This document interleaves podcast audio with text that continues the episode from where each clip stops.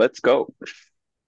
Söndag den 12 november har vi kommit fram till och eh, vädret är grått. Men eh, här inne är det muntrare. Vi har eh, en söndagspodd att bjuda på från 7 rätt en travpodd. Och med mig idag har jag Marco. Hallå där. Och Oskar. Tjena, tjena. Och jag i sammanhanget är Bobbe. Och vi kör en favorit i repris från förra söndagspodden. Det gick ju bra då, så vi fortsätter på samma spår. Och sparar lite annan typ av krydda till nästa vecka hoppas vi. Vi har eh, både gäster och andra deltagare som kan dyka upp. Hur är läget eh, hos Marco den här söndagen då? Jo, förutom att man bomba, eh, bommade sjuan i, igår så är det väl bra. Eh, den borde man satt. Det, det är en vanlig söndag man gjort. Ja. Men det är ju fars dag alltså. Fick ju frukost på sängen ändå. Så. Ja, det är bra. Med lite komp kompensation eller något. Jag vet inte. Söndagspodden har ju samma problem. Vi åkte i avdelning två där det blev en jätteskräll. Eh, och de är inte alltid lätta att fånga om man inte helgarderar. Och det var som jag läste idag, det var alla system som satt i eh, sjuan eh, eh hade väl helgarderat den i princip. Nåväl. Eh, Oskar då, hur är läget hos dig? Det är bara fint. Eh, oj, nu zoomar jag in mig själv som bara den ja, vi har det bra. vaknar med frukost på sängen jag med och eh, ja, lite allmänt trevligt, lite fin uppvaktning från, eh, från familjen. Så det har varit en toppendag. Härligt. Själv har jag sett min eh, dotter tävla i klubbmästerskap i hoppning i Boxholms ridklubb. Eh, gick utan någon rivning eller andra problem. Jättebra. Och sen har jag fått se Mjölby Hockeys damlag vinna sin första match i någonsin i seriesammanhang 5-2 mot Nyköping. Så uh, en bra dag måste jag säga. Får säga grattis till Mjölby Hockey med då. Jajamän, det tycker jag. Det var välförtjänt. Det var roligt att se. Eh, och eh, där har vi också två matcher på här sidan framför oss kommande vecka, onsdag och söndag. Så då kommer Kim ratta eh, videokameran och jag sköta studio, studiodelarna. Så. Det är något att se fram emot också i veckan, utöver travet. Ska vi börja och titta lite, eller börja men snarare fortsätta, titta lite bakåt på V75 igår. Då det var bergsåker och snö. Ehm, vädret hade väl viss inverkan, eller vad säger ni? Ja, det var en tränare som var extra glad. I, var det V4? Mm, du skickade tänker... fråga, Oskar. Nej, v V4. V ja. ja, V4 har jag ju inte koll på. Ja, vi hade ju tävlingar på fråga... Mantorp, så jag kollar bara lite efter honom. Mm. Segerintervjun där med Joakim. Han eh, sa att vädret var en stor faktor. När eldtechno vann i avdelning två. Just det, så var det. Ja, han eh, hyllade vädret, det var fantastiskt. Sa han glatt med glimten i ögat där i segerintervjun. Det var lite skön känsla. Jo, det missgynnar ju en del hästar, men det, det missgynnar ju alltid någon lite mindre. Mm. Så det blir lite mer spännande då. Sätter lite högre krav på eh, tränarna också. Hans första seger, eller hur var det? Som jag kunde se i tränarstatistiken så har han inte vunnit för, men det, den har ju bara de 300 eh, senaste, så det var, det var lite det jag efterfrågade. Jag hade jag var lite optimistisk som vanligt med min tid idag. Jag tänkte att man hade kunnat höra av sig till honom och eventuellt fått någon intervju, men eh, jag fick höra att det var en ganska utförlig intervju i, eh, eh i kanal 75, så då tänkte jag att ja, vi skippar den. Jag ska säga första V75-seger också för att vara tydlig. Ja, precis, precis. En viss skillnad. Ja. Um, annars så inledde vi med en uh, poddhästvinnare får jag väl säga. Uh, min första häst från i söndags. LA Boko som eh, pratades ner men eh, kördes upp. Eller vad säger ni? ja, han lät inte jätte, jättetaggad på förhand, men eh, det var han. Nej. Nej, men det var, jag tror inte han sa att det var dålig form eller så. Han det. var väl mer att det var fel distans och så vidare. Va? Var det inte så? Kommer inte ihåg ordamässigt, men det lät ja. som han trodde på jättestora segerchanser. Nej, han låg lite lågt på segerchanser. Ja. ja, men den där är alltid intressant för det, det, det är ju några faktorer på det. Dels så så för, överraskar ju hästar. Alltså man säger ju som tränare så, så försöker man i alla fall ge så bra information som möjligt. Eh, och vara så ärlig som möjligt. Men det gör ju också att när man inte tror på så hög chans så, så säger man ju vad man tycker om det också. Um, och hästar överraskar ju väldigt mycket ibland.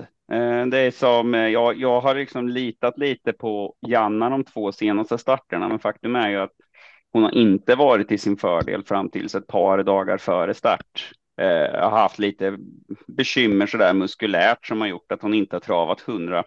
Eh, men då har hon fått massor med massage och eh, eh, ja, lite TLC, lite tender love and care från, från min fru som har lagt ner ett jättejobb på henne och sista jobbet innan så har det känts jättebra och jag har ju liksom, man har ju litat lite på det.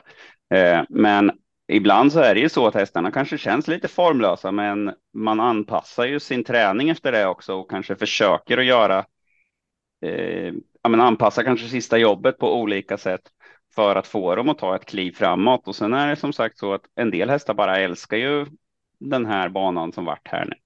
Och, och, och, det kan man känna ibland i provstarten eller ibland när bilen släpper, släpper fältet. Jag har tagit som exempel när, eh, av dem jag har nu, Ares Manos, när han startade på Tingsryd, då var jag inne på att stryka för han kändes så bedrövlig i, i provstarten. Men han är ofta sån. Hade det varit eh, någon annan häst jag har i träning som kände så där, då hade jag antagligen strukit. Eh, men sen när bilen släppte, då kändes han ju bara helt fantastiskt fin och var dunderfin hela loppet. Eh, och sen finns det ju, har jag varit med om när man har tänkt att nej, men idag måste vi köra invändigt, bilen släpper eller man känner i provstarten att oj, oj, oj, idag blir vi inte fast och så kör man väldigt offensivt som, som Daniel gjorde där igår då. Eh, men, men jag tror inte att... Mm. Det som du säger Oskar, att hur, alltså, hur många tankar eller, beslut tar man under ett lopp liksom? För tänk, du kommer ta en tanke direkt från start och så brukar den funka hela vägen eller?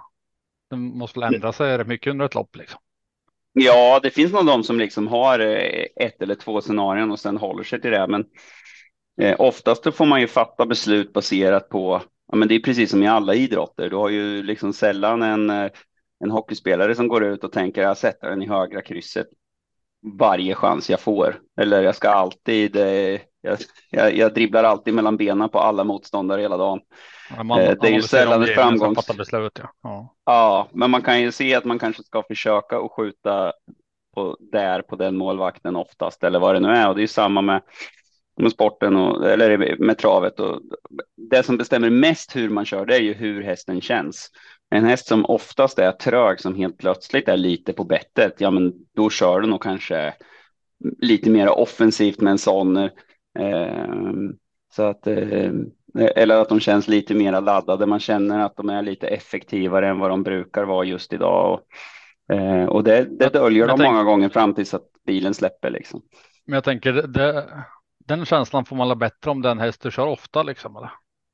Mm. Har du aldrig kört hästen? Hur, hur ska du veta att den känns bättre liksom? Nej, en del känns ju det... fantastiska även när de är helt formlösa. Så det är jo, mycket svårare det, att veta i det ser, Jag tycker det ofta man ser liksom att någon kommer ut i andra spår och så tänker man så här, nu kommer den gasa på, men så blir det en bromskloss istället för de som ligger i andra spår. Mm. Och då tänker så här, kändes den jäkligt bra på innespår och den ville chansa eller vad, vad var taktiken med det liksom? Ja, nej men om man inte känner hästen sedan tidigare. Det där, jag tror ju många, många tycker att Magnus Djuse till exempel, han kan släpa igenom sista sväng och sen så kommer han alltid till slut och så. Jag tror inte att han är någon sån här hästviskare som kan få hästarna att springa, utan han har nog bara en jäkla bra känsla för hur många procent av tanken har jag kvar och vart är hästen effektivast? Och så skiter han lite i hur fort de andra kör, utan han ser till att ta sig till mål på det mest effektiva sättet. Så ser jag det i alla fall. Och en del har nog bättre känsla för dels i vilket tempo hästen är som mest effektiv och, och också ja, men hur mycket den har sparat. Liksom. Eh, om man kör max 600 kvar alltid, en del klarar det, andra tar slut på ett par hundra meter, så det där är ju, det där är ju väldigt mycket känsla. Eh, men i alla fall, om vi ska återgå bara till det här med att tränare eh, kanske ligger lite lågt och sen så kör offensivt. Ehm, det kanske är så att man ska försöka undvika att uttala sig så mycket om segerchanser, för det finns ju de som gör det väldigt mycket bättre. Jag menar, jag tror inte Daniel hade nog inte studerat listorna alls lika noga som, som många andra. I de flesta fall har han ju uttalat sig eh, långt, långt innan eh, i, under veckan här. Eh, sen var det kanske några intervjuer under dagen också, men det, det är ju återigen det där. Sen är varje, varje situation eh, unik. Eh, så att eh, ja, man måste ju köra efter hur hästen känns i första hand. Om vi går tillbaka till första V75-avdelningen så var det fyra galopper. Eh, två Parveny och nio Comes With Age direkt i starten och sen eh, Criterion och Hannibal Face också. Var det banan eller var det något annat tror ni? Det är Någon... ganska troligt att banan hade med att göra, men det var, var det något snöfall redan då? Ja, till och från sådär. Mm. Annars Comes var det Hipstram som inte höll ut. galoppera lite när som helst. Ja. Ja, Hipsterdam lyckades inte hålla ledningen när Filippa BJ kom fram. Och sen ja, LA Boko bäst. Den var ju helt eh, sjukt vilken snurr han fick på den. Hon verkade ju vara ganska gynnad av jänkarvagn. Hon gjorde ju, hon gjorde ju ett eh, jäkligt bra lopp måste man ju säga. Absolut. Um, sen hade vi Dånklara, eller vad säger du Marco, i avdelning två som nästan höll. Ja, jag trodde på spets också. Trodde det skulle gå ett tag, kanske hela vägen. Och det, den analysen stämde ju. Eh, både Elkevide och eh, Pyrotech och Svarte Petter vart oplacerade. Eh, så ja, vi hade rätt i Sandnesbaden där vi sa att det passar med en helgardering. Jepp, sen ska man lyssna på sig själv också. Nästa steg. Men någonting vi lyssnade på var ju eh, Great Skills. 85 procent landade hon på, men eh, det var ju bara ja, walk in the park. Inte så mycket ja, att säga om det loppet va? Nej. Är sjukt bra. Det, det, var ingenting som vi inte visste innan. Hoppas att se henne lite i Frankrike framöver här nu då. Om jag har förstått saken rätt. Sen har vi avdelning fyra. Där eh, de två mest spelade hästarna var ett och två i mål. Men 15 Sayonara var klart bäst till slut. Ja, det var ju en makalös insats. Nu måste jag ta fram det. Eh, det här ATG X-Labs har inte riktigt fått till eh, tekniken för att man ska kunna se eh, e-, exakt hur fort hästarna egentligen går. Eh, för de som inte har hängt med så är det ju alltså, man springer betydligt längre eh, om man ligger i andra och tredje spår. Du har väl mer exakta uträkningar på det, va Bobbe? Ja, en, enkelt brukar vi säga 10 meter per varv, om man ligger rätt spår ut. Sen kan man ju behöva ta lite tredje spår också, då blir det ännu mer. Om det är kurvorna åtminstone. Ja, precis. Eh, Sayonara gick ju... Fart. Ja, mm. precis. Sayonara gick ju 11 och 9 voltstart. Eh, eh, 10 om man räknar kilometertiden eh, för de 2214 meter hon egentligen sprang. Så hon sprang ju alltså eh, 34 meter extra. Eh, Gick hon i tredje så... spår sista 1100? Eller var Ja, precis. precis. Det, där, därav att hon sprang så mycket längre. Så 10-3 om det hade varit på innerspår. Eh, så ehm, ja, där har ni lite förklaringen till. Det var en annan fråga eh, som kom upp efter V75 här. Nu kommer jag inte ihåg vem det var. Det var någon som hade spår 1 eh, och hade chansen att gå ut i andra spår men valde att sitta kvar. Eh, därför att han inte tycker att han har 15 meter bättre häst än alla andra. Helt enkelt. Det var någon 1640 lopp. Jag vet inte, kan det ha varit i första avdelningen kanske? Om Hipsteram inte gick ut i andra spår kanske. Jag tror inte det var, det stod exakt vem det var. Men, eh, nej, det kostar, det kostar väldigt mycket och enkelt sett så ja, döden är en bra position, men om du har lagt en rejäl speed från början Eh, då gör du av med ganska mycket bränsle. Så har du lagt en rejäl speed från början och får dödens, eh, då är det ju inte så kul. För då har du ju lagt en speed för att få en bra position och får det inte, får ingen draghjälp och så vidare. Men glida fram till dödens utan att ha lagt någon speed, då har du ju mer kräm kvar om du har en likvärdig häst eh, som ledaren och då kanske du kan gå 15 meter längre för att man har liksom disponerat loppet på ett, på ett jämnare sätt när man, när man ligger på eh, när man kör för ledningen. Då har man, ju, har man ju bränt ganska mycket och det kan man ju känna om man är ute och springer själv. Om du börjar med att spurta så fort du kan i 300 meter och så ska du springa två kilometer till, då är det ganska så då är det ganska så jobbigt. Det är väl kanske inte det bästa sättet att få nytt rekord på, men då gör man ju det för att få en bra position. Så det är ganska, ja, jag, ganska enkelt så. När jag såg Olle fick eh, rygg utvändigt där så tänkte jag drömloppet. Eh, det blir svårt att ta ner den här men Sayonara var jäkligt bra. Mm. Ja, Olli Håleryd gick ju otroligt bra. Hon också. Det var inte så att banan var snabb. Hon gick 12 och 7 där. Eh, det var ju som sagt, ja, banan var ju eh, ganska så besvärlig och så gör de det där ändå. Sayonara då gick 13,5 på någon jättekonstig bana för en vecka sedan och sen gör hon det här nu då. 0,7 eh, måste väl vara nytt rekord för Olli med? Säker, hon är så jäkla bra som hon har gjort. Jag kan ju tänka mig att hon har gjort. Hon, hon ja, tänker, vann ju V7 på 13 blankt i juli, men eh, också från tillägg då. Eh, ja, men nej, men det. Eh, det kan det nog vara, ja. Ja, nej, men eh, ruggiga, ruggiga prestationer oavsett. Att, eh, mm. Och en eh, tränare som kör eh, sin egen häst. I fallet Fredrik Wallin. Kikade på statistiken för honom som kusk och han har vunnit fem av de tio senaste loppen han har kört. Det är rätt bra procent. Ja, nej, sluta inte köra. Jag tycker det är mycket, det är mycket roligare att se och sen, eh, sen tror jag, vet inte riktigt varför han, han började att köra den här själv, om man tyckte att hon strulade och ville ha bättre information. Man får ju, man får ju mycket bättre info när man själv sitter i vagnen kontra när man ska fråga någon catchdriver i efterhand eh, vad som gick fel. Eh, jag vet inte om det var därför han valde att köra själv nu eller om det fanns andra anledningar. Det var väl lite så där att de var i valet och kvalet om hon skulle fortsätta. Jag bara ja, gissar att de fortsätter nu, men det, men det hänger väl lite på hur hon, hur hon tar de här loppen såklart. Mm, sen går vi vidare till avdelning 5, Sparkys Dream, i ett lopp där det bara blev åtta hästar när fyra stycken ströks. Så ja, klar vinst där för det var väl framförallt Kim som pratade mycket om Sparkys Dream. Ja, vart väl ja, eh, såklart med alla strykningar va?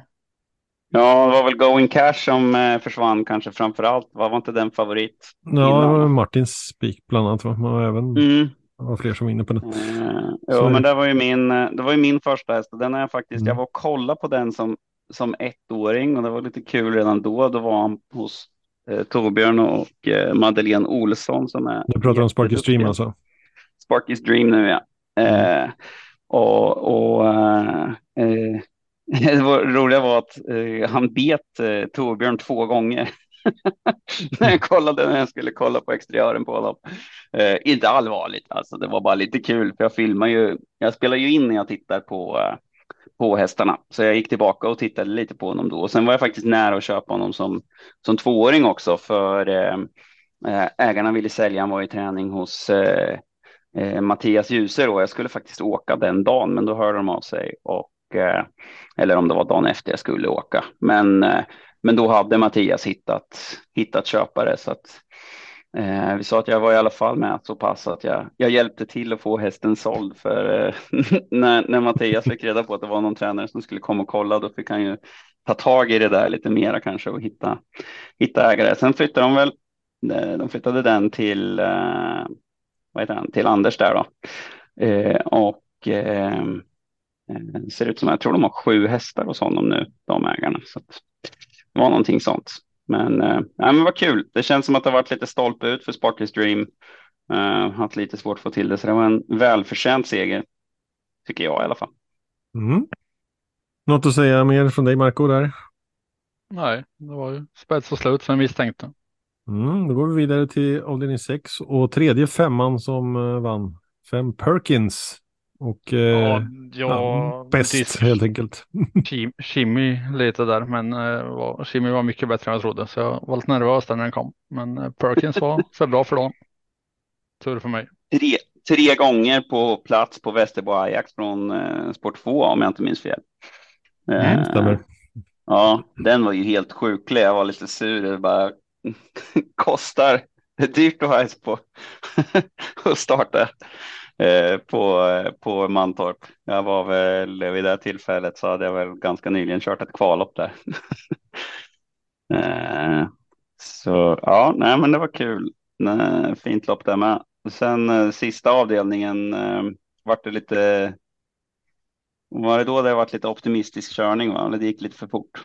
Om jag inte minns fel. Var det No Limit Express som var lite het i ledningen där? Va? Ja, det gick fort. Vilket ju passar Kinky Boots jättebra.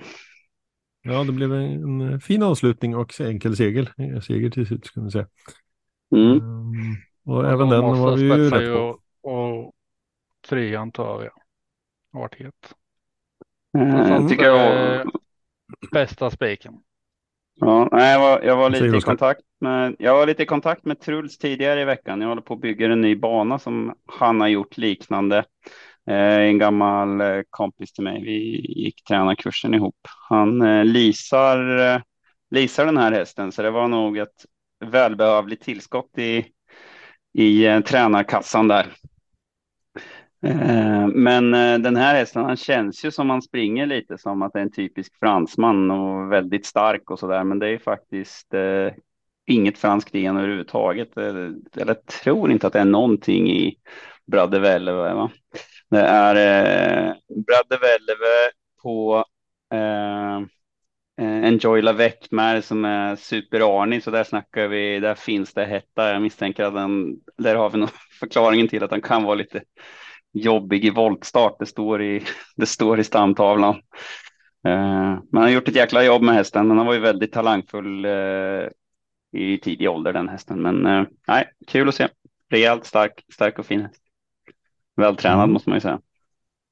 Yes, vi summerar en jackpot på fem rätt, vilket innebär att det blir jackpot även nästa kommande lördag. Eh, åtminstone största, största delen av potten går vidare tills dess och 20 eh, till Winterburst-avslutningen. Någonting mer att prata om från veckan som har gått på, från ert håll? Jag måste väl ändå lyfta matchen idag va? Malmö mot Elfsborg i fotbollsallsvenskan. En eh, ren finalmatch där vinnaren utav matchen också vann allsvenskan. Och ja, när de väl kunde startat... spela fotboll. Så. Vad sa du? när de väl kunde spela fotboll på grund av allt annat runt omkring. Ja, jäklar alltså. Släldas nät och allt möjligt alltså. Matchen var tre, jag vet inte när den var slut, men det var nästan vid poddinspelningen. Eh, men eh, vilken inramning alltså innan sändning. En halvtimme innan stängde de musiken och allting och körde a cappella från klackarna och tifon och är det på den nivån så tycker jag att det är riktigt kul alltså. Och där allt annat runt omkring som bara förstör eh, får gärna utebli. Ja, du skulle hästarna reagera på, på ett sånt tifo? Eller klackar på kortsidorna. ja. Det är ju faktiskt både trummor och lite allt möjligt på Elitloppet och det är klart att det är några som blir lite nerviga av det, men förvånande, de klarar det förvånansvärt bra faktiskt. Men inga bengaler och rök och sånt där? Nej, det är det ju inte. Det, det, det, är ingen som, eh, det är ingen som försöker, försöker att skrämma hästarna så, men det är lite liv eh, med engagerad publik. Men det, de flesta mm, uppskattar det ju bara. Nej, det är lite. Jag tänkte på alltså det är helt sjukt att man bara normaliserar en sån grej. Men jag tänkte om liksom, ja, men ja, du tycker att eh, eh, vad heter det, hipsteram är en bra häst och så blir jag skitförbannad på dig och ger den en smäll på det. Liksom. Alltså, det skulle ju aldrig det skulle aldrig förekomma. Eller när du håller på att förlora ett lopp så är det några som stormar banan liksom så det blir omstart. Ja. Smäller de en, en, en, bomb för att skrämma ja. hästarna på upploppet. får du en ny chans Oskar här. Jag springer ut för din skull. Mm. Blir nej, det... portad men nej. Ja visst, ja, men det är vansinnigt det där. Jag, jag förstår det för, verkligen inte att, att man tycker att det skulle vara okej. Okay. Um, eller nej, det är väl ingen som tycker att det är okej, okay, men man rycker lite på axlarna åt det. Det är en vansinnig sak att behöva lägga polisresurser på det. Jag förstår inte det där. Eh, och, och idioterna som håller på, det är ju rent, det går inte att beskriva hur korkat det är. Alltså. Ja, jag tyckte han studion sa det rätt bra med, för det var ju Elfsborg var ju på bortaplan och det var de som förstörde. Så jag menar, spelarna fick ju sitta en timme där i omklädningsrummen och Elfsborg liksom hade ju ett litet, litet rum och var i liksom en, en cykel liksom. Ja, Medan eh, Malmö hade liksom hela sin anläggning att vara på, kunde gå till gymmet och grejer liksom. Mm. Ja, så det var inte till fördel för Elfsborg liksom. Stängde av, stängde av fläktarna till gästernas omklädningsrum. Eller? Ja, satt på Asien. Ja, precis. Och hade fyra grader innan. Då. Ja. Mm, på, Oj, nu råkar vi höja till 25. På lördagen också måste vi notera ett SM-guld till Mjölby. Eh, Jonna Andersson i Hammarby. Ja, grattis får vi säga. Grattis Jonna. Mycket bra jobbat. Um, något mer att prata om i sammanhanget bakåt? Ja, det var ju en incident på V4. Jag vet inte, Oskar, hur, hur, hur har sån det var mycket kritik i studion att, att hon tog upp hästen för hårt för att det blev som en stoppkloss i kön. Liksom. Eh, du har pratat mycket om att köra på bara när det blir galopp och, och komma undan. Liksom. Men hur lätt är det liksom? För en annan som aldrig kört häst liksom? När den viker ut. Det är ju olika. Ja visst, ja, men när en häst bryter ut eller bryter ner väldigt kraftigt, det som blir är ju att man många gånger drar lite stopp på dem. Så att det där är ju, det där är ju enklare, enklare sagt än gjort. Eh, kommer ni ihåg vilken avdelning det var? Ja, jag kan kolla. Jag såg det inte själv, jag bara hört om kolla, det. Kolla segerlängden. Den hästen mest, mest segerlängd, det loppet var det. Alla stannar liksom, förutom ledaren. Så.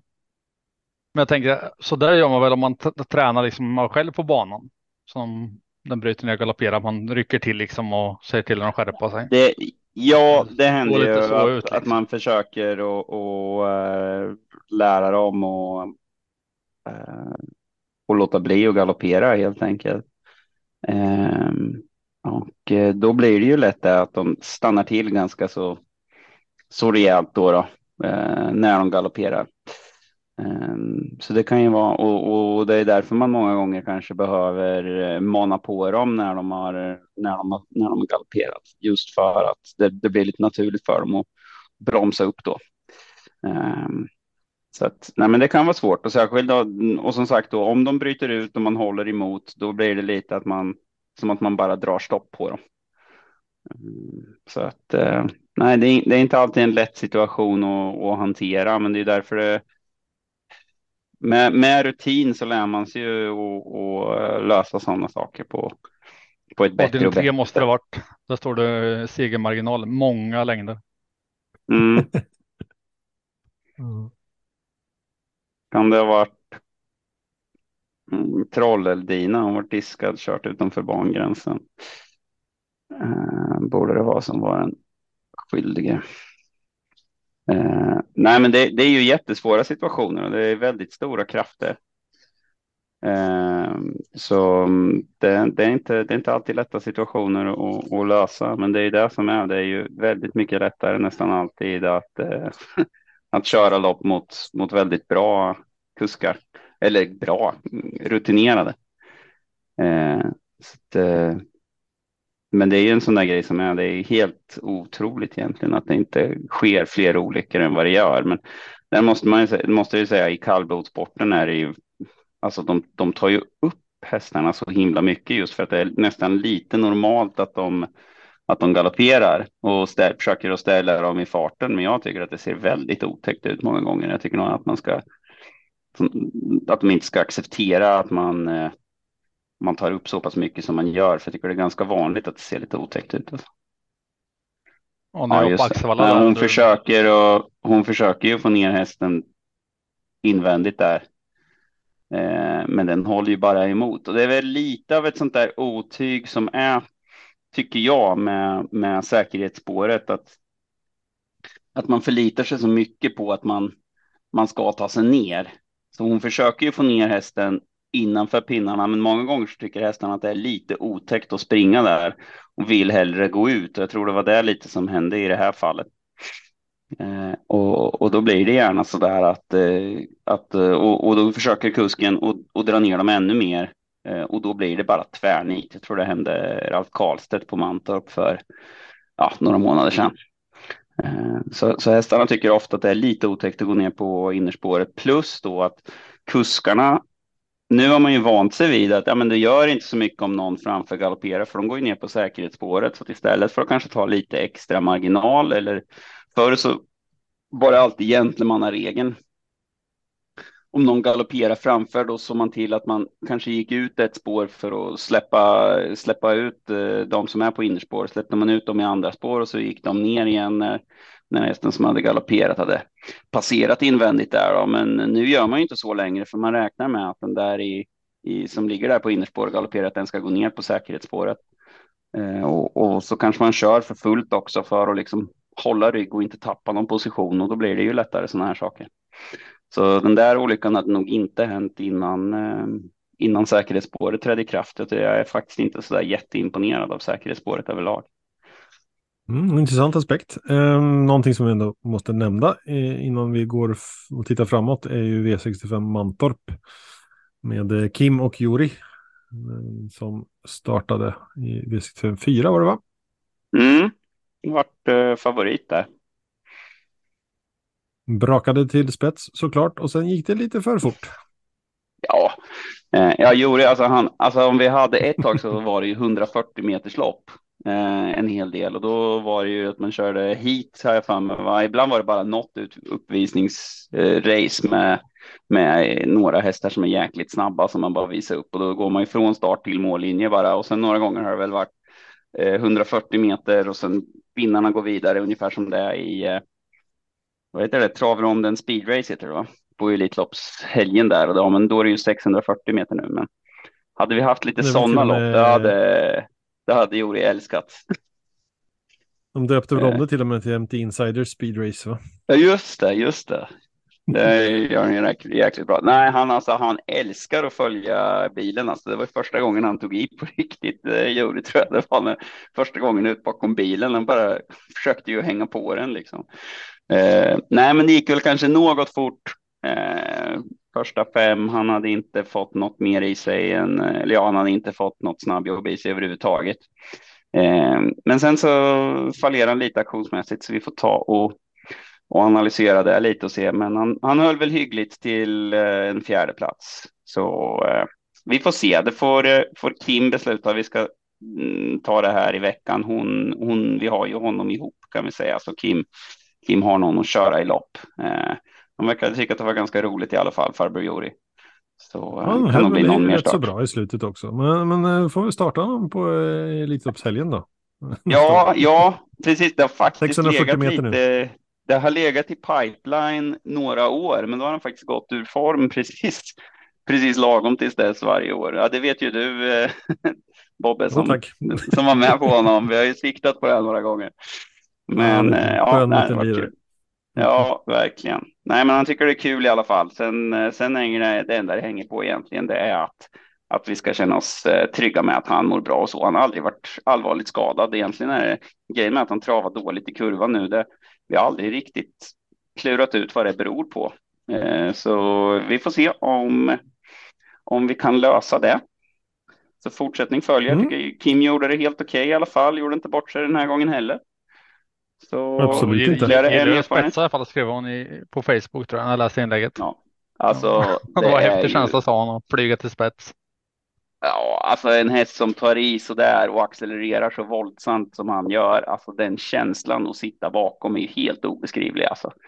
Det skulle ju alla få uppleva någon gång. Eh, det är helt sjukt och han är ju så snabb. Det, det är häftigt. Vi tar med det och Kim får fortsätta träna styrketräning i armarna eh, inför nästa lopp. ja, precis. Hon varit lite, varit lite seg i en arm och jag vet inte om hon kanske tappade en placering på det. Men. Det eh, tror jag någon mer som var, var på Axevalla när du värmde upp med Ares Manos där.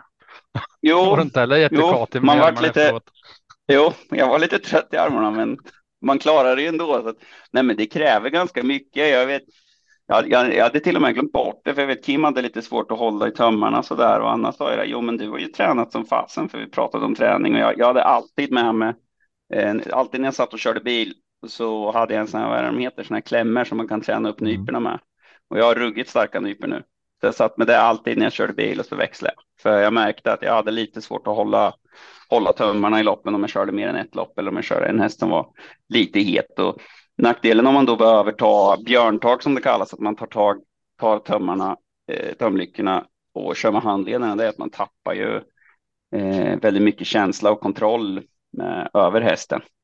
Och då blir man lite stel också och då blir hästen kanske ännu hetare. Så att eh, Eh, nej, men så det är sånt som man får, får träna upp och vi har ju väldigt snälla och trevliga hästar i princip allihop. Eh, så då blir det att man inte vänjer sig riktigt vid att och, eh, och bygga upp den muskulaturen heller. Men eh, nej, men så att det, det finns en del att, att, slipa på både på, på häst och kusk, men det var ingen av dem som, som gjorde bort sig i alla fall tycker jag. Bra poddmaterial har jag också för lyssnarna när Oskar sitter och visar upp hur man tränar händerna och hur man tar upp björngrepp. ja, det kan det bli material nämna, för sociala medier här. ja, det roligaste som hände för min del i alla fall igår eh, på då var ju vi kvalade lilla Nevermind som jag hoppades på. Det känts som den, en härlig liten häst med väldigt bra inställning som faktiskt eh, väldigt talangfull men men haft lite magbekymmer. Eh, men i alla fall kändes som en häst som kommer att kriga när de väl kommer igång med tävling. Hon är lite rolig så där. Hon kan i princip stanna och sen tar hon i och alltså väldigt oslipad så där. Eh, och kändes som att hon bara skulle släppa förbi sig den andra 500 kvar eller någonting sånt där. Och sen då bet hon i ordentligt och krigade och höll nosen först. Eh, känns som att det kommer att bli en riktigt, riktigt rolig tävlingshäst. Vi, mm, Eh, får se, det kan bli en sån som vi kanske, kanske släpper några andelar i om man ska ha någon tävlingshäst. Jag får prata lite mer med, med Leif om det, som är han som äger mest. Jag äger faktiskt en liten del i henne också. Men eh, det, det, får vi se. Då, då, gör vi det nog i samband med något eh, paket med någon ung häst eller något kan jag tänka mig. Men det är ingenting som är klart. Men eh, hon ska nog starta om ett par veckor tror jag. Det kan bli riktigt kul. Mm, spännande. Ska vi blicka framåt då? Kommande vecka på travfronten så har vi måndag V64 Färjestad inleder veckan. Tisdag V64 Jägersro. Onsdag är det V86 på sedvanligt vis Solvalla Åby. Torsdag V64 Östersund och fredag V64 dubblar på Boden och Bollnäs. Sen då på lördag V75 Eskilstuna med Breeders Crown-finaler och Även på söndag så är det Färjestad som bjuder på underhållning med GS75. De ramar in veckan så att säga. Utöver V75, någonting som lockar Marco? Jag kan bara tillägga att det är jackpot imorgon på V64. Mm. Det lockar dig kanske? Ja, måndagar brukar vara rätt hektiska ändå. Eh, eh, möte på jobbet och innebandykräningar så ja, jag hoppar. Nu sitter jag onsdag kanske? Jag tror att det blir eh, lördag för min del. Mm, det tycker vi om i den här podden. Som vi laddar inför det. Oskar, någonting som du vill kommentera kring det här upplägget? Nej, eh, jag har inte hunnit att, att titta på någonting, även om jag är väl hyfsat påläst till eh, V75 på Eskilstuna utan att ha öppnat listorna så var jag ju med när försöken till var ju på plats när försöken till Breeders Crown gick. Så. Mm. Mm många fina tävlingar där och eh, ser fram emot. Både försök innan, och semi. Mm. Innan Bobbe skickar iväg oss eh, på listorna så var det en fråga till dig, Oskar. Mm. Du som är så bra på att förklara. ja, ibland, ibland blir folk mer förvirrade än innan. Strykningar i volt. Ja. Behåller man platsen i volten eller hur, hur eh, ser sånt där ut? Man det, det, är upplagt så att man helst inte ska få ett sämre spår och de spåren man anser egentligen är bra för, för hästar eh, är ju kanske ja, framförallt ett kanske. Tre, då har du ju rygg på ettan och har då ytterspår i volten, eller man ska säga, medan man cirkulerar. Eh, så att blir tvåan struken, då flyttar du inte på trean, utan trean behåller sitt spår. Eh, och då får ju fyran får ju ingen rygg i volten i det här läget och ska vara lite snett bakom trean. Så att, eh, blir tvåan struken, då, då får ju trean ytterligare bättre spår kan man säga för att den får ju eh, ännu mera plats. Eh, fyran behåller sitt, femman behåller följaktligen också sitt spår. Då. Eh, springspårshästarna påverkas ju inte heller Ehm, bakre volten så gör man inte så av någon anledning. Så att har du eh, spår 10 och nian blir struken, då kan det bli så att du får flytta fram och, och få voltas med spår 2 i volten. Faktiskt. Ehm, men annars så tror jag inte, ja, jag vet inte om det var något klart om det var något konstigt med det. Om trean blir struken, vad händer med fyran? Ja, då får ju fyran helt plötsligt ett bra spår, för den får ju då, då ha tvåan kvar sitt spår. Eh, fyran går till spår tre. Eh, även femman blir ju lite gynnad i det här läget eftersom att eh, eh ja, fyran hamnar lite mera ur vägen så att säga. Det blir mer plats. Eh, så, ja, så att eh, när trean försvinner så blir det, blir det bättre för fyra och fem. Men framför allt fyra då kanske som helt plötsligt har ett kanonspår. Mm. Ska du förklara auto med då så kan vi ju och vi benta ut på. Ja, ja i auto så byter man, flyttar man ju ner. Um, men man flyttar ju inte från om du har bakspår till att du helt plötsligt är framme vid vingen. Så att det vill säga om ettan blir struken så flyttar ju alla med framspår ner ett spår. Men nian flyttar ju inte ut till spår åtta liksom, utan den behåller ju sin plats eh, bakom den som har spår, spår ett och, och två. Eh, och samma med, med bakspår då. Om nian blir struken exempelvis, då flytt, flyttar alla med bakspår ner ett snäpp. Måste du flytta eh, ner? Eller kan du ja. säga att du inte vill det?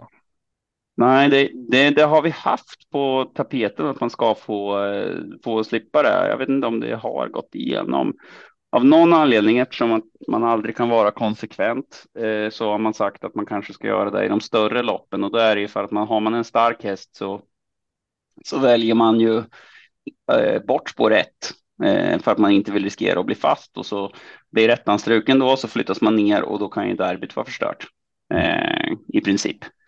Eh, så då vill man att man ska kunna ta bort det då. Men eh, mm. eh, det gäller väl alltid lite så. Det, mot, gentemot spelare tycker jag det blir lite konstigt också. Då kanske man har gjort en häst till favorit baserat på att man har spår två exempelvis och tycker att ingenting kan gå fel och spikar den. Och, eh, och så blir det då den som har eh, eh, ja, så hamnar man på innerspår och blir tokfast givetvis. Eh, så det är väl inte riktigt schysst vare sig mot eh, spelare eller, eh, eller tränare eller ägare. Man kan ju faktiskt till och med ha valt bort spåret. Det är ju ganska osannolikt. Eh, när man anmäler till lopp som inte är V75 eller V86 är det oftast, så kan man ju välja bort spår. Eh, oftast är det då att man väljer bort spår 8, 11, 12, kanske 7. Eh, men eh, man hade ju faktiskt kunnat välja bort spår 1 och så blir man nedflyttad dit. Som sagt jäkligt osannolikt. Jag vet ingen som har gjort det. Men eh, eh, man kan ju tycka att man hade kunnat få behålla sitt spår mm, bakom bilen faktiskt. Det blir en intressant situation om eh, ettan blir struken, tvåan skulle behålla sitt spår. Mm. Och så har nian från bakspår fritt fram på innerspår. Precis, det är där man har, man säger man har lite emot där då. Eh, att det blir, att det blir lite illa. Du får ju inte eh, sätta fram benen där förrän, förrän bilen släpper. Sen liksom att vart exakt man är i det ögonblicket kan ju vara lite svårt att, att tolka. Plus att man kanske fular lite och räknar med att de inte blåser om och kör lite. Va? Nej, så det, det, det är ju sånt som gör att man inte bara har gått rätt ut och bara sagt att jepp, så gör vi. Ja, det är inte lätt när det är svårt. Nej, precis. Nej, men det var en bra förklaring. Eh, det gäller att hålla koll på vad saker, hur saker förändras vid strykningar. Mm. Um, vi får väl se om vi får några strykningar i V75 på lördag i Eskilstuna. Då. Uh, jackpot väntar på oss den 18 november. Och vi inleder med Eskilstuna som bana då. Den har du ju kört på i alla fall, Oskar. Den kan du kommentera till skillnad från Bergsåker. Ja, Eh, ganska trevlig bana för de som bryr sig om vart stallbacken är så är den efter mål. Eh, upploppet är hyfsat eh, vanligt långt utan att jag har sån här superkoll 182 meter. Ja, väldigt kraftigt doserad. En av banorna i Sverige som har mest dosering. Um, exakt hur det påverkar hästarna. Det känns som att en del har faktiskt svårare i kurvorna där. eh, vilket är lite märkligt. Eh, men eh, ganska väl, väldoserad bana som sagt. De flesta fungerar bra på den. Eh, ska jag säga någonting om den på slutet har den varit i det hårdaste laget faktiskt. Eh, den har varit väldigt hård flera gånger nu när vi har varit där. Eh, så att eh, hästar som är lite rulliga borde därmed vara lite missgynnade. Hästar som kräver fäste borde inte ha några problem att få det. Mm, bra, Marco, har du något att säga om banan? Nej, den eh, tog Oskar så bra. Bra. Vad gäller voltstart så är den väldigt snäv, kan vi säga. Mm. Ja, det är intressant att veta, för det kommer ett voltstartslopp så småningom här. Men vi inleder klockan 16.20 på lördag med avdelning 1 och då har vi en gulddivision som väntar på oss. Ett försök inför annandag jul. 1640 meter autostart och här är det flera hästar som var ute i lördags, det vill säga igår, som kommer ut igen. Eh, 150 000 till vinnaren och vi har följande deltagare. 1. Comes with age. 2. Dark Roadster. 3. Chapuis. 4. Million Dollar Rhyme. 5. Barbro Kronos. 6. That's So Cool. 7. Night Brodde. 8. Baron Gift. Och från bakspår har vi två hästar. 9. Rome Pace Off och 10. Phoenix Photo. Här finns det kompetens så att det räcker att bli över kan vi ju säga. Um, något som Marco fastnar för. Jag gillar Barbro Kronos. Uh, allt ute i tuffa motstånd. Spår fem. Nej, man får säga Barbro Kronos. Man ska gå på sin första tanke. Mm. Ja, men det är bra. Den är vi ute efter. Oskar då? Ja, så jag funderar på hur Chapuis har gått. Mm. Det var åtta på Örebro, men jag kommer inte ihåg, eh, kommer inte ihåg det här loppet alls. Eh, nej, men jag tycker att eh, Comes with Age går ut. De galopperade ju starten sist. Eh, det eh, var troligtvis inget fel på honom, men han går ju upp en klass. Eh, tror att det kan bli svårt. Eh, Phoenix Foto hemmahäst, i och för sig spår 10 är ju inte lätt över 1640, men, men eh, de har satt han i ordning till, till V7 på hemmaplan förut om jag inte minns fel, så han gör det nog igen. Spurtar bra i KR. Mm en tia där och då väljer jag det andra bakspåret, Rome Pays Off. Wäjersten som har varit väldigt eh, jag ska säga, hyllande om eh, hästen. Och eh, den vinner ju varannan gång, så i sann Oskar anda så är det dags att vinna nu då. En diskad 1, 2, 1, 6 och nu väntar en etta. Även om det är bakspår så tar vi den. Så eh, det blir 9. Rome Pays Off för min del. Den här känns bort, det... Uh Ta bort framspåren i guld på kort distans. Det brukar alltid vara ett framgångskoncept. Unika tips. Lås 9 och 10. Precis. Ja, eh, härligt startfält. Kan bli åka av från start. Både Comes with Age och Chapuis är väl startsnabba. Om vi säger så. Ja, borde vara näst sista V75 innan det blir eh, skotvång va?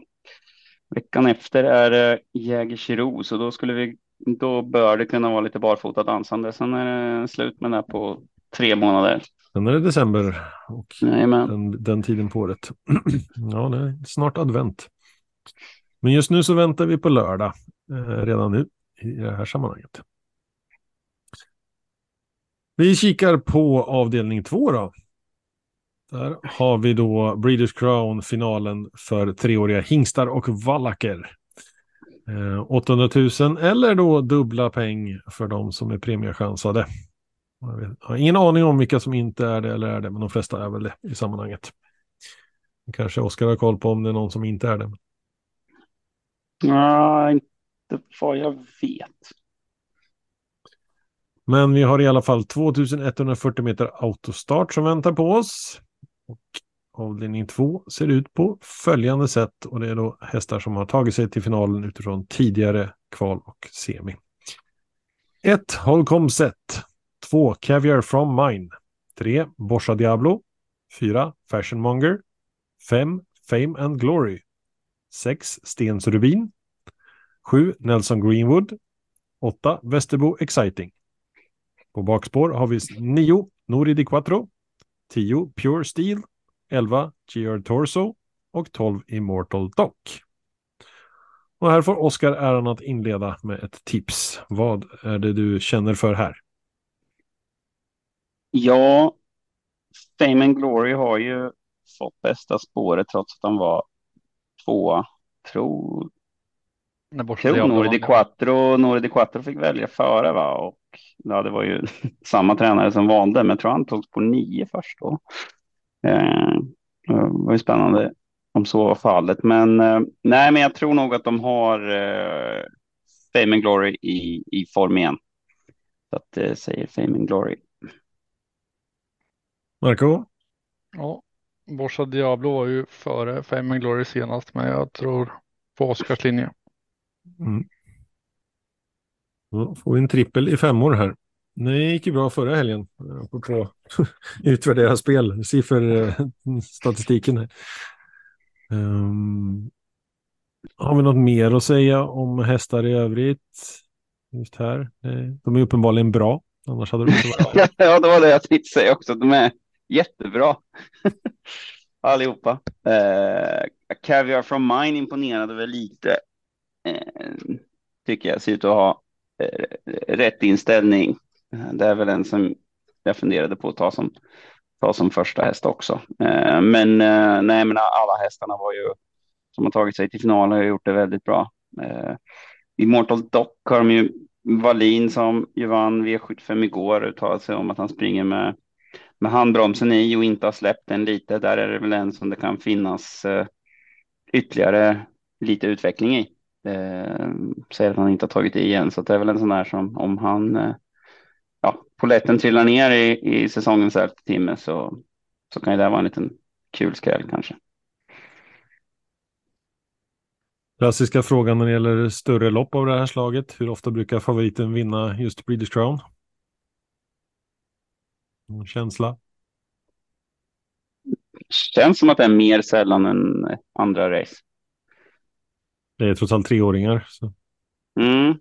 Ja, men jag tänker just British Crown. British Crown brukar vara en sån där det är så att ja, men det är många som har varit ute eh, länge, haft en lång säsong och eh, Eh, kanske på, lite på retur och så kommer det några som kanske har lite senare utveckling och, och kommer underifrån och överraskar. Det känns som att det ganska ofta är så i British Crown. Något mer att säga innan vi går vidare?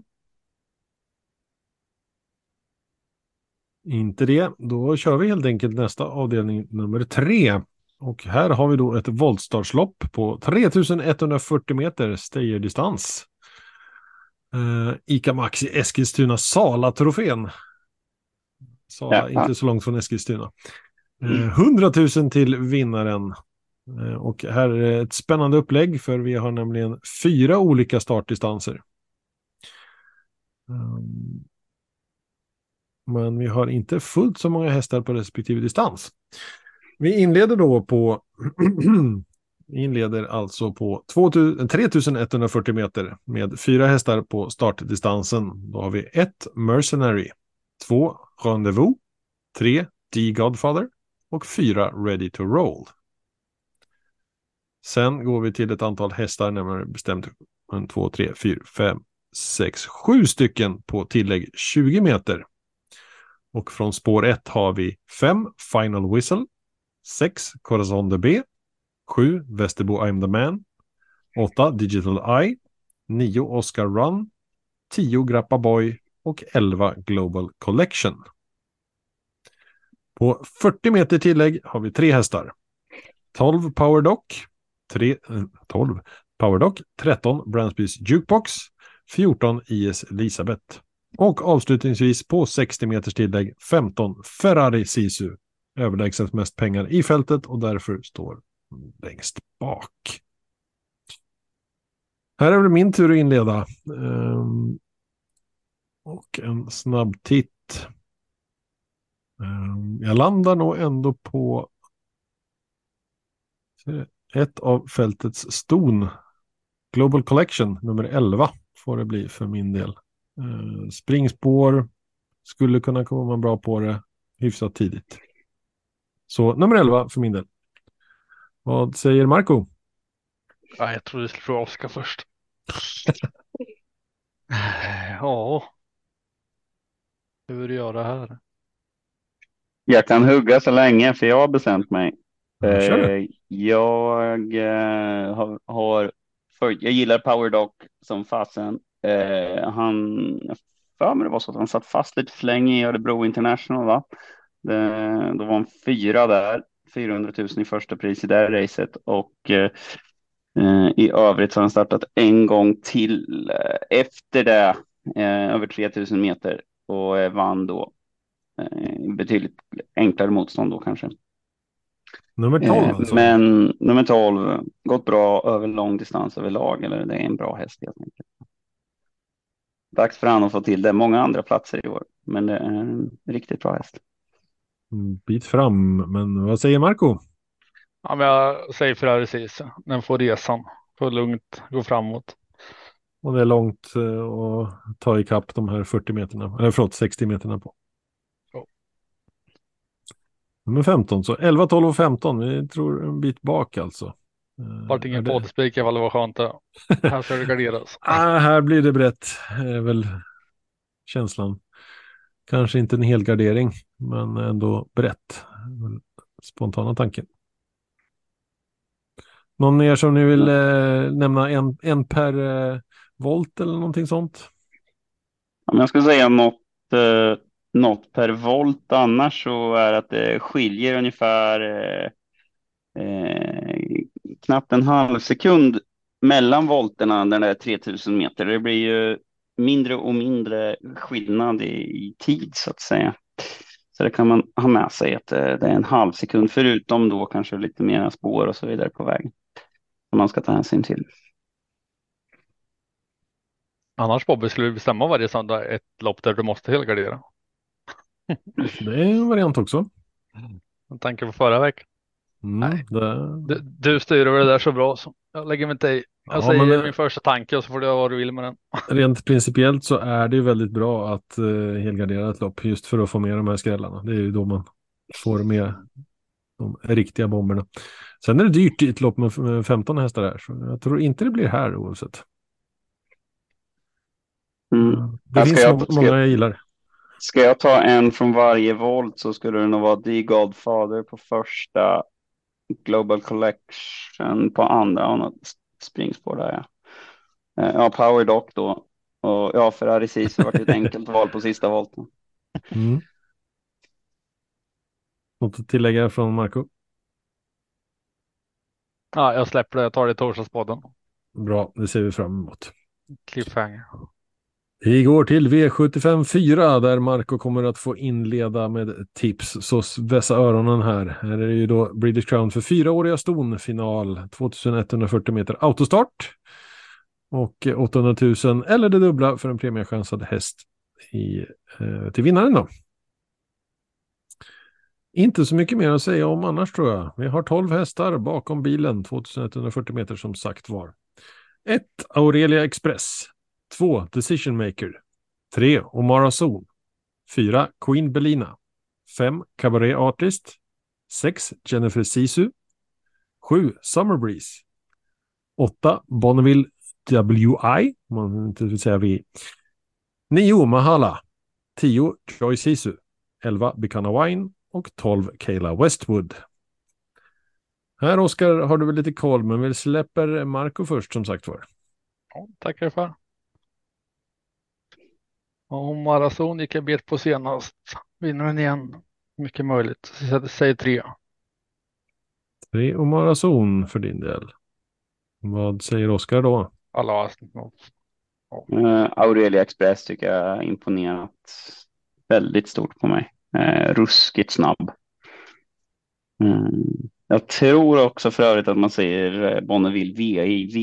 VI står för Wallén Invest om jag inte missminner mig. Den uppfödaren där var en väldigt mm. trevlig man som kom. Vi hade ett möte, sen gick han tyvärr bort.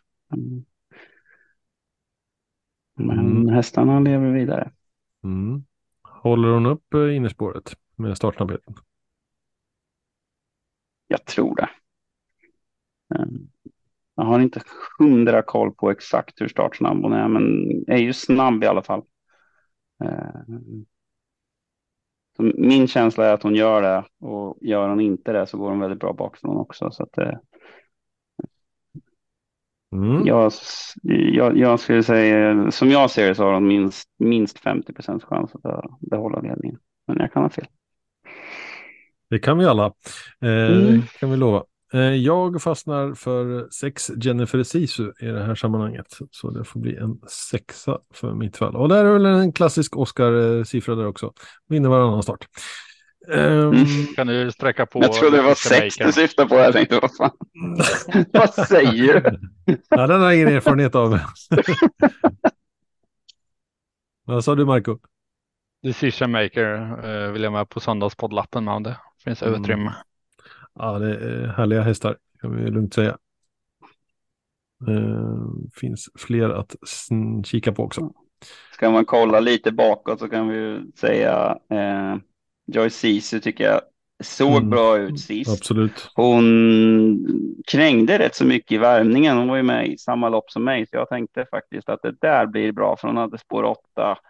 Kränger de ner mycket när de ska gå bakifrån där, då, då brukar man kunna plockar dem en helt annan häst i loppet. Så det kan man ju också ha med sig lite att hängde lite högertöm i, i värmningen, men fungerade väldigt bra sen och hade ja, svårt utgångsläge den gången och fick gå hela sista varvet i tredje. Nu har hon i alla fall något bättre, bättre läge här, får rygg på Omara Zon eller Queen Bellina i starten. Här. Så det finns goda möjligheter att hamna bättre på det.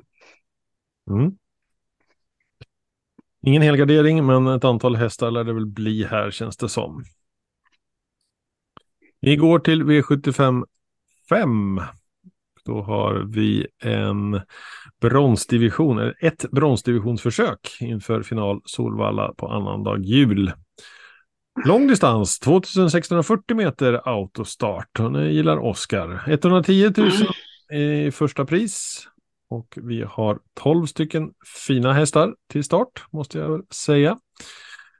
Um, klart det är i bronsdivisionen, men uh, några som lockar lite extra när jag kikar på det här. Vi har 1. Helena DD. 2. Global Above All. 3. Farfars Dream. 4. Tears in Heaven. 5. Declan. 6. Real Scotch. 7. Ferox Brick. 8. Håsis Crazy Horse. Från baksvår har vi 9 Excusez-moi, 10 Babsans Bankir, 11 Gloucester Gladiator och 12 Reshevski. Varsågod Oskar, take it away. Mm, nu kan det potentiellt vara så att jag fastnade lite i den här fyraåringen efter Orlando Vici med spår 1, det fyraåriga stoet och kolla upp bara den lite grann. eh, men, du snurrar in som vanligt. ja, det gör man ju så lätt. Tränare eh, Jeppe Rask. En, en fin fyraåring. Ja, en fin fyraåring som jag inte har sett förut efter Orlando som är en favorithingst som jag ser även har Ferox Brick till start här. Eh, men den, den som jag ser som bästa hästen i fältet, så är nästan lite förvånande att eh, han inte kom med i eh, man har förväntat sig att se honom i, i British Crown-finalen kanske, är HC's Crazy Horse. Så att, eh, den får jag nog ta som min första häst här. Nummer åtta, tufft läge, men eh, som sagt lång distans också. Eh, jag hoppar in och plockar eh, det blir nästan löjligt här, vi hamnar på samma tema med varannan start igen. Eh, fyra Tears in Heaven, Peter Untersteiner. Bra läge, bra häst. Inget snack om saken. Det får bli en fyra. Vad säger Marco? Ja, det var grymt. Jag skrev upp 4, 8, 9 innan Oskar började prata. Så det lämnar jag en kvar. Jag kan ju tipsa om att uh, Untersteiners uh, andra häst som Johan själv kör uh, också förlorade senast. Men har också varannan seger. Real Scotch. Ja. ja.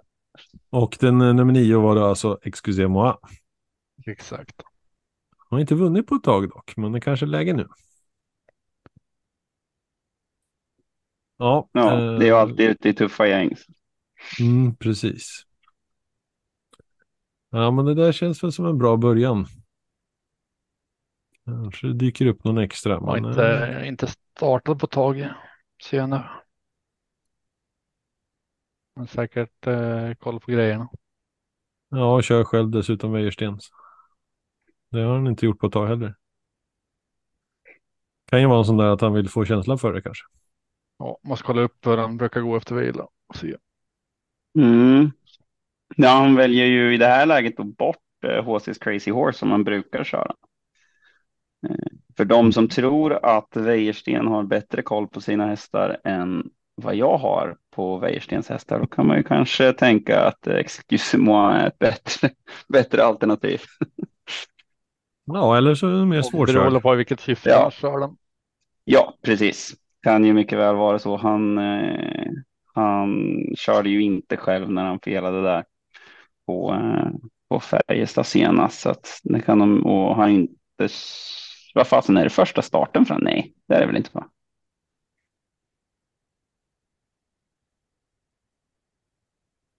Svårt att uttala mig om det. Ja, jag tar reda på det. Bra. Eh, vi lägger till en liten eh, fråga, ett litet frågetecken för eh, Exclusive Moada. Det är värt att undersöka och lyssna lite i veckan här. Hur vi, vi kan säga att vi, vi, vi öppnar listorna när Bob tillåter oss att göra det. Så vi är ja. inte så förberedda. Ja, han, han kom in i träning 10 oktober faktiskt. Så att ja, det är första, mm, första starten för Wäjersten. Så att jag, jag skulle gissa att, ja men dels känns det ju säkert som en jättebra häst. Men, eh, men också att man vill se lite hur han är. Men eh, det är nog mycket möjligt att han kanske gör bedömningen att han skulle till och med kunna vara bättre än HC's Crazy Horse. Och då skulle jag säga att han är stenklar. För jag tror den HC's Crazy Horse har han riktigt högt. Men det är ju Bro Byggnads som äger, det vill säga samma som eh, äger Great Skills. Bra, vi lyssnar efter det i veckan och återkommer till torsdagspodden. Förhoppningsvis svar eller någon form av vägledning där. Vi går vidare till avdelning 6 och då är vi framme vid en final igen. British Crown treåriga ston. 2140 meter autostart och 12 hästar. 800 000 eller 1,6 miljoner för de flesta som vinner då. Om de är premiechansade. Här har vi följande deltagare. 1. Estrid Degliday. 2. Ninetta Bocco. 3. Adriatica. 4. Elegance Kronos. 5. Queen of Power. 6. Kitty Hawk. 7. Käraste Sisu. 8. Janita Silvio. Från bakspår 9. Queen of America. 10. A Teaser. 11. Willa Explosive. Och 12. Capucin Danvern. Då är det väl min tur att ta en häst först och då gör det lätt för mig eh, i sammanhanget och säger tre Adriatica. Eh, förvisso eh, har vi sett att skor bak ser ut som men eh, det ska förhoppningsvis inte spela så stor roll. Eh, en bra häst, så eh, ja, tre Adriatica. Marco? Ja, vi är inne på samma. En, eh...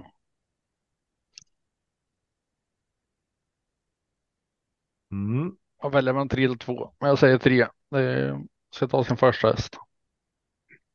Oskar? Ja, jag var inne på Adriatica också faktiskt. Eh, kvalade väl in till Oaks bar, bara barfota fram. Fungerade ju bra då i alla fall. Eh, var tvåa i Oaks-kvalet eh, och vann sen barfota runt om. Men då, ja, vann i somras. Det fungerar ju. Ja. Mm. ja, precis. Eh, nej, så att det, det, det, går nog bra. Jag skulle tippa på att uh, nu, nu är vi inne på den tiden på året och det blir ganska grovt material. Särskilt sliter det oftast då bak på hästarna. Jag måste säga, jag var lite förvånad faktiskt på Jore igår att jag hade slitit väldigt mycket på framhovarna. Kan vara det som gjorde att han gick bara barfota fram. Så att det är nog flera hästar som kommer och gissar jag i alla fall, som kanske får behålla bakskorna på just av den anledningen. Mm, Men det beror ju mycket på vädret och så vidare. Också, kanske. Ja, det är lite hård bana och, och, när, det är, alltså när det blir väldigt blött och så, så måste de ha, alltså ban, banpersonalen måste ofta välja lite grövre material för att banan ska hålla ihop om det blir mycket nederbörd och så där. Så det blir sällan den här mysiga bomullen som det bara är att springa på som det är på sommaren, utan det blir lite grövle, lite, lite vassare och kan vara lite svårare att få fäste på också ibland. Och då kan det till och med vara fördelaktigt att ha bakskor. Mm.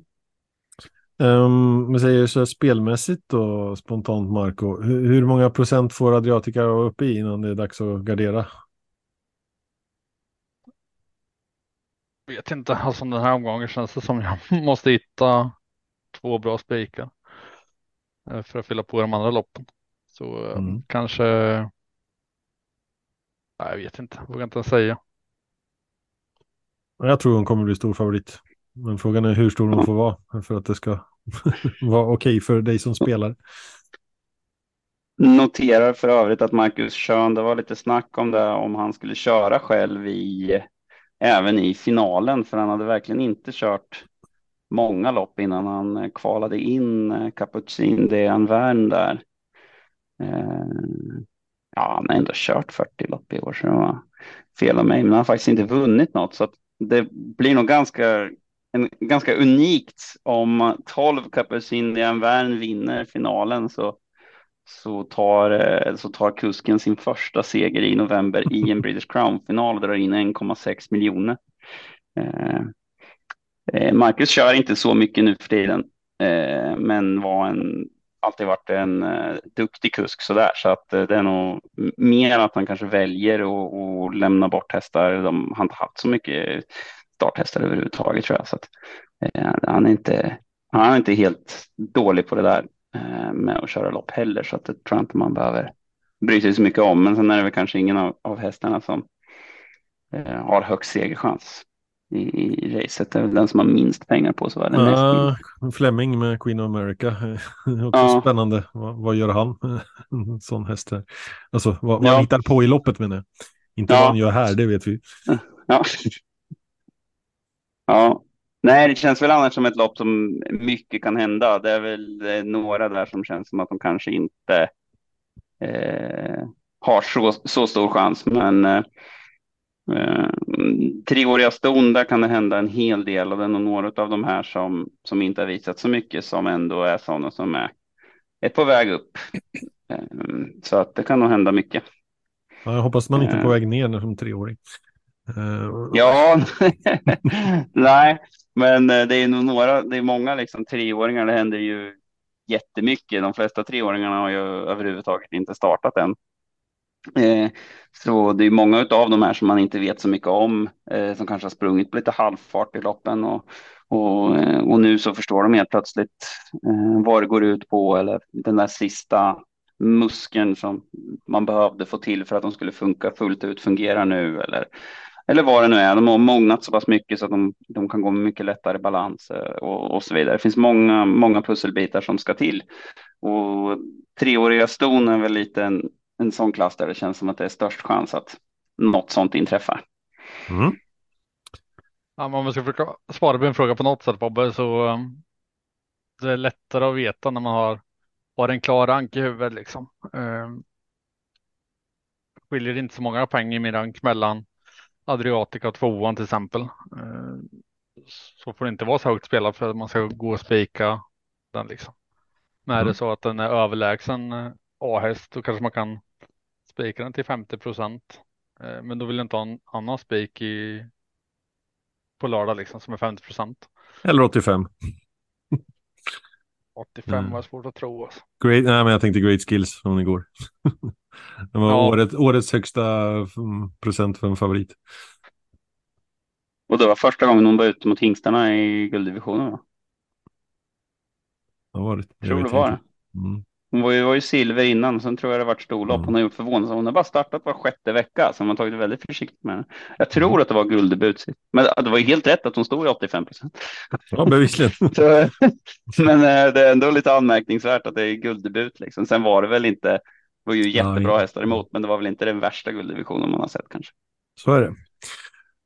Ska vi ta och avsluta med V75 7, lördag 18.45, inte 43 som det brukar vara.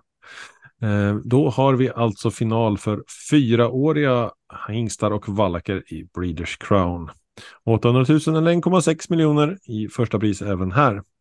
2140 meter autostart och 12 hästar bakom bilen. Vi har 1. Bedazzled Sox. 2. Star McCrow. 3. A Fair Day. 4. Miro Boko. 5. Game Brodde. 6. Michigan Bro.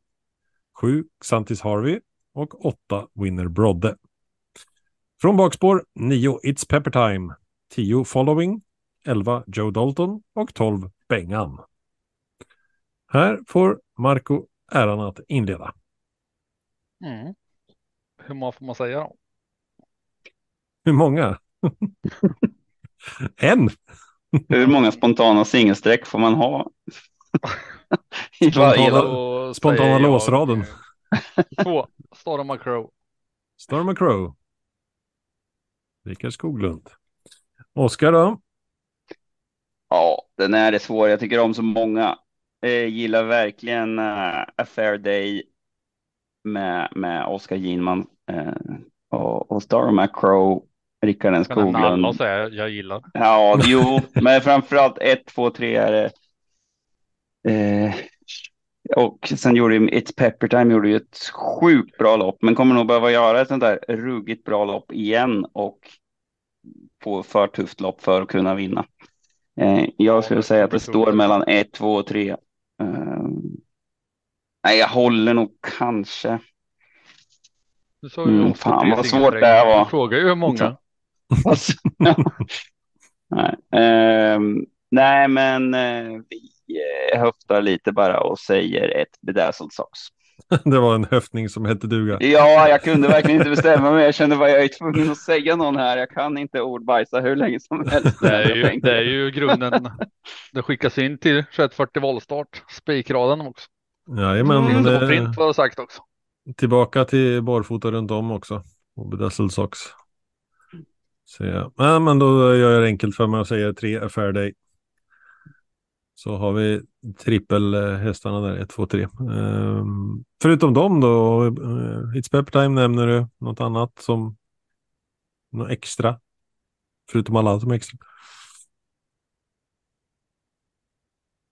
Jag, jag, tycker faktiskt att det är de fyra som, som sticker ut om jag inte om jag inte missminner mig. Alltså. Mm. Uh, Känns som på förhand. Det var nog ingen av de andra som Alltså det är klart det är jättebra hästar, men det är ingen som jag riktigt känner. Samtidigt har vi såklart om man är, om man är på väg tillbaka i, i, i det slaget han var i som, eh, som treåring så. Eh, ja, Alassane har ju varit ute i ruggiga lopp annars också, men han har väl inte varit fullt så bra som han var som han var då. Så eh, kan väl vara någon kanske.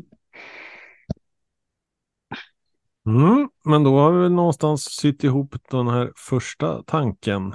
Eh, och översikten då visar ju härligt eh, nervkittlande att eh, de två spikförslagen som vi har idag det är ju då i treåriga hingstar och vallacker och treåriga ston i Breeders-finalerna. Vad kan gå fel? Eh, ja, eh, allt och inget. Vi får väl se.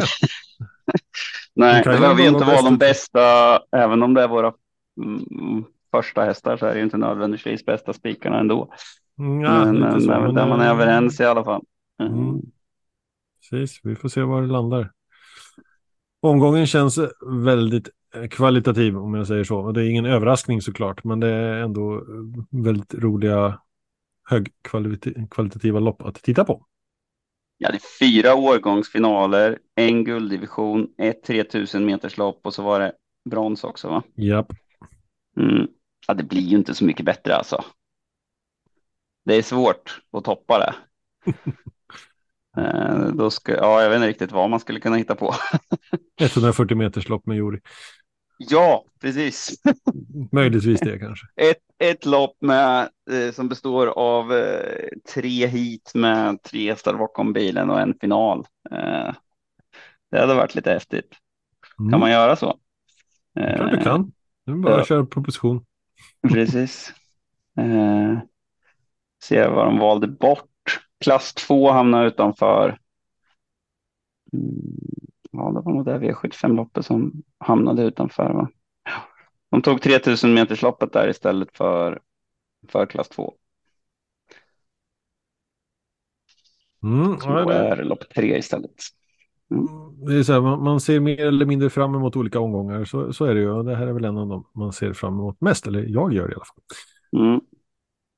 Ja, ja, nej, men det brukar vara riktigt trevligt. De har ju ofta någon, eller ofta, de har väl en Breeders Crown-fest eh, där också som, som brukar vara uppskattad. Så att eh, åka till Eskilstuna behöver inte vara fel. Sen finns det väl roligare årstider än slutet på november och åka på trav i Mellansverige på. Men eh, det kan nog vara, vara riktigt skoj. Eskilstuna brukar kunna bjuda upp till en, till en bra show. Show. Mm, show. Show. Nu kom trollet fram igen. Ja, nej, faktum är, jag vet inte, det är inte många gånger som jag haft eh, på senare år i alla fall som jag har haft så roligt som, som jag hade då när det var sista var, jag tror inte det har varit V7 på Eskilstuna sedan dess, va? när det var samband med den, den aktionen, yearling sale där. Som, Nej, som det var den senaste gången. Ja, och det var, eh, det var riktigt roligt, så det, det kan jag verkligen rekommendera. Jag hoppas att de får till det till nästa år också, att det går på Eskilstuna, men det, det får vi se. Var det radiobil och sånt där med då eller? Med öl på tält bredvid? Nej, men jag tänkte att jag ska, jag ska tipsa dem eh, om det. Mm. Att man kan köra ut lite, lite öl med radiobilar så där. Det, det är ju sånt som jag vet av erfarenhet uppskattas väldigt mycket. Vem fasen är som kör bil bredvid vårt tält? För de som inte alls hänger med så, eh, så såg vi några eh, glada lirare när vi kom till Axvalla, jag, Marco och mina ungar. Eh, vad heter det, som, som höll på att sätta upp ett tält där när vi höll på med våran husvagn och då tyckte vi att det var lite kul. Min grabb hade sin radiostyrda bil framme så då surrade vi fast ett par öl och körde in i deras tält med. Eller inte körde in i tältet med men vi körde fram och ja, det var the beginning of a wonderful relationship eller vad är det man sa, den klassisk Först film. sa den där rösten känner jag igen. Ja. Omiss, oigenkännlig eller omisskännlig. Eh, upp till var och en att avgöra. Ja. Um, Kanske vi har... Oskar som ska göra vårt nya intro. Har de bra sångröst, Oskar? Ja, oh ja. Oh ja, det är bara att fråga mina, mina barn och min fru. Eh, de tycker att det är underbart när jag sjunger. Gärna, gärna om man översätter en låt som ska vara på engelska så översätter man den till engelska ut, eller på, till svenska uttalat på kolmårdska. Det, det är riktigt bra. Eh, ja, exempel. Ja, vi... Det tar vi till Patreon-material. Slut... Ja, precis. Patreon-material. eller starköl. Precis. Ja, nej, då kan jag inte dricka, då kan jag inte dricka, hålla på och dricka alkoholfri öl som jag håller på med här, utan då får det bli, det får bli starkare grejer. I noteringen inför dagens podd så har vi en eh, spännande eh, formulering som är Martins tå och den får ju faktiskt bli en liten cliffhanger inför kommande poddar. Vi får se när det blir dags att ta upp den eh, lilla historien. Ja, det var ju lite sorgligt att vi inte fick med. Jag såg verkligen fram emot, eh, emot Martins eh, tåanekdot. Men eh, det, det ser vi fram emot. Kom på så mycket frågor Nästa söndag kanske. Vad hände? Vart hände det? Nej, nej, nej, nej, nej men det, det där är en sån där grej som vi måste hålla, hålla jo, på det, till. Man kommer ju explodera på Twitter eller på X nu. Vi kommer ju få massor med frågor till. Rändar. Hashtag Martins tå. Precis. Ja, det ja. Ja, ja, men stort tack för idag. Ja, tack ska ni tack. ha. Vi avrundar och önskar er välkomna tillbaka på torsdag. Då det är Torsdagspodden och sen ser vi fram emot lördag V75 Eskilstuna. Tack Oskar, tack Marco, tack lyssnare. Tack. Tack.